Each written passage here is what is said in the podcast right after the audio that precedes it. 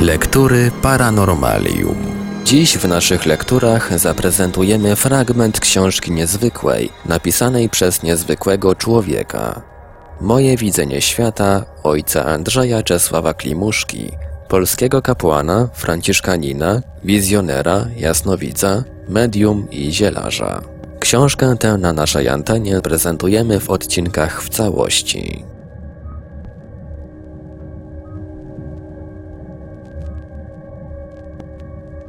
Hipnotyzm. To, cośmy osiągnęli umysłem, wykorzystujmy dla dobra człowieka, czego zaś nie umiemy jeszcze wyjaśnić, otaczajmy szacunkiem.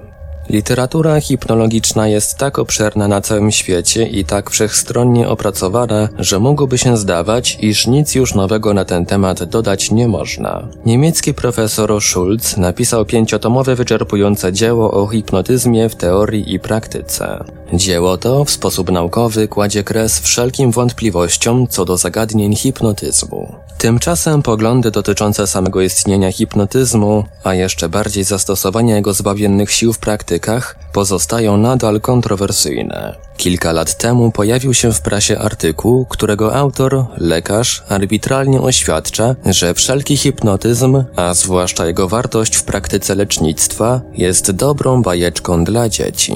Wypowiedź taka w dobie dzisiejszej, i to pochodząca z ust lekarza, mocno zaskakuje. Jest jeszcze niestety wielu nawet poważnych naukowców, którzy zjawiska hipnotyczne traktują jako jedną z form iluzjonistycznych praktyk demonstrowanych dla towarzyskiej rozgrywki. W gmatwaninie ścierających się sprzecznych ze sobą poglądów na zjawiska hipnogenne musi być zawsze jakaś obiektywna prawda, dla której warto trochę trudu poświęcić. W związku z tym chciałbym zabrać głos na temat hipnotyzmu, jego sił i wartości. Czynię to, pomijając inne motywy, jeszcze i dlatego, że zjawiska hipnotyczne występują w formie autohipnozy w moich praktykach parapsychicznych. Hipnotyczna sugestia skutecznie w wielu przypadkach leczy schorzenia chroniczne niż znane leki farmaceutyczne. Pominę milczeniem kwestię, jaką rolę odgrywa sugestia hipnotyczna w dziedzinie parapsychologii, poruszę tylko pobieżnie jej znaczenie w lecznictwie.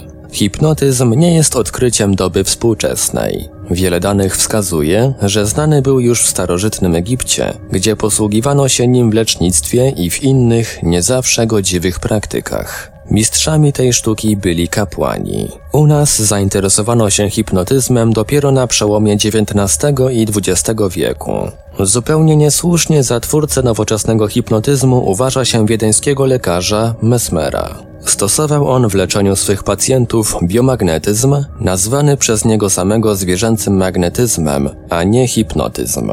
Przez długi czas jednak nauka nie zajmowała wobec zjawisk hipnotycznych żadnego oficjalnego stanowiska. Powszechnie uważano je za niegodne zainteresowania naukowego. W tym miejscu przypomina mi się znamienne zdanie, jakie wypowiedział profesor hydrogeologii Gołąb na zjeździe naukowym Polskiego Towarzystwa Przyrodników w Warszawie. Gdyby więcej naukowców było bardziej bezstronnych i uczciwych, a mniej pysznych, daleko byśmy więcej odkryli zjawisk dotyczących człowieka i świata zewnętrznego.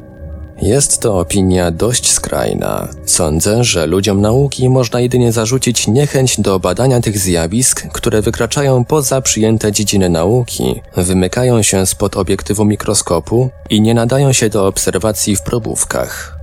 Dopiero w roku 1965 na Międzynarodowym Kongresie w Paryżu hipnotyzmowi nadano prawo obywatelstwa w nauce i podniesiono go do rangi środka leczniczego. Nowy ten dział nauki nazwano hipnologią, a nazwa hipnotyzm została zastąpiona wyrazami sugestia hipnogenna. W ostatnich latach siły hipnogenne stały się przedmiotem badań naukowych. Coraz częściej są stosowane w praktyce leczniczej, zwłaszcza na zachodzie Europy i w Stanach Zjednoczonych. W mieście Jena w Niemczech powstał ośrodek badawczy sugestii hipnogennej oraz przychodnia lecznicza, gdzie w leczeniu wszelkich nerwic i chorób na ich tle powstałych lekarze posługują się wyłącznie hipnozą. U nas ta sprawa pozostaje dotąd zaledwie w projekcie. A przecież mamy także znakomitych specjalistów hipnologii, którzy oprócz znajomości teoretycznej oddają wielkie usługi społeczeństwu stosując hipnozę w praktyce.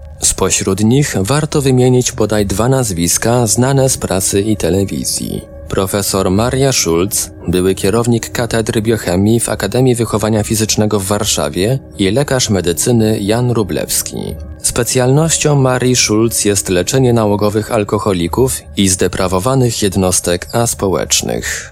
Jakże wiele dobrego czyni ta ofiarna, bezinteresowna kobieta, przywracając społeczeństwu zdrowych fizycznie i moralnie pracowników, a nieszczęsnym rodzinom wyleczonych z alkoholizmu i upadku moralnego ojców, mężów i synów. Cudowna metamorfoza dokonuje się za pomocą zbawiennej siły hipnogennej. Lekarz Jan Rublewski leczy sugestią hipnogenną schorzenia powstałe na podłożu nerwowym. Do wprowadzenia chorego w stan hipnozy stosuje on odrębną metodę, odrębną od powszechnie przyjętej.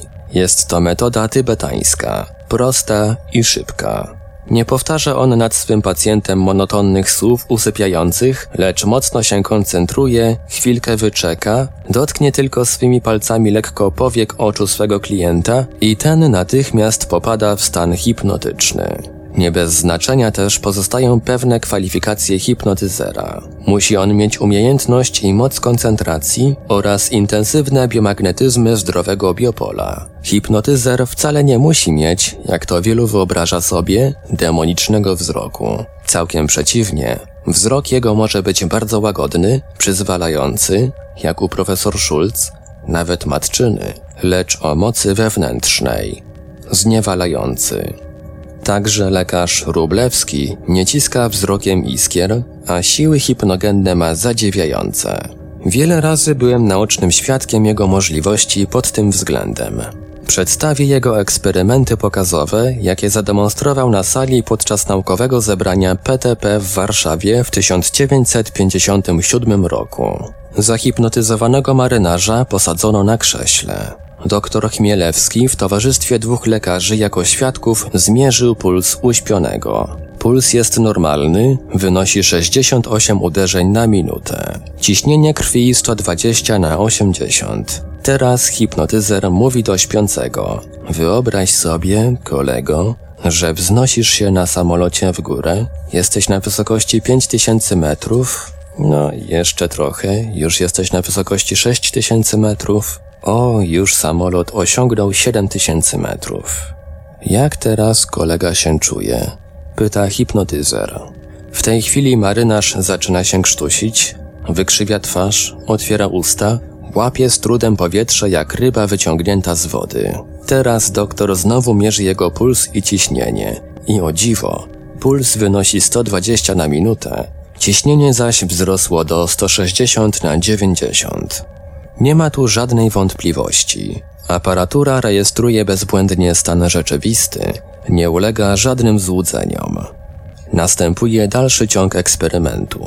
Położono uśpionego marynarza na dwóch krzesłach, na jednym głowę, na drugim pięty nóg.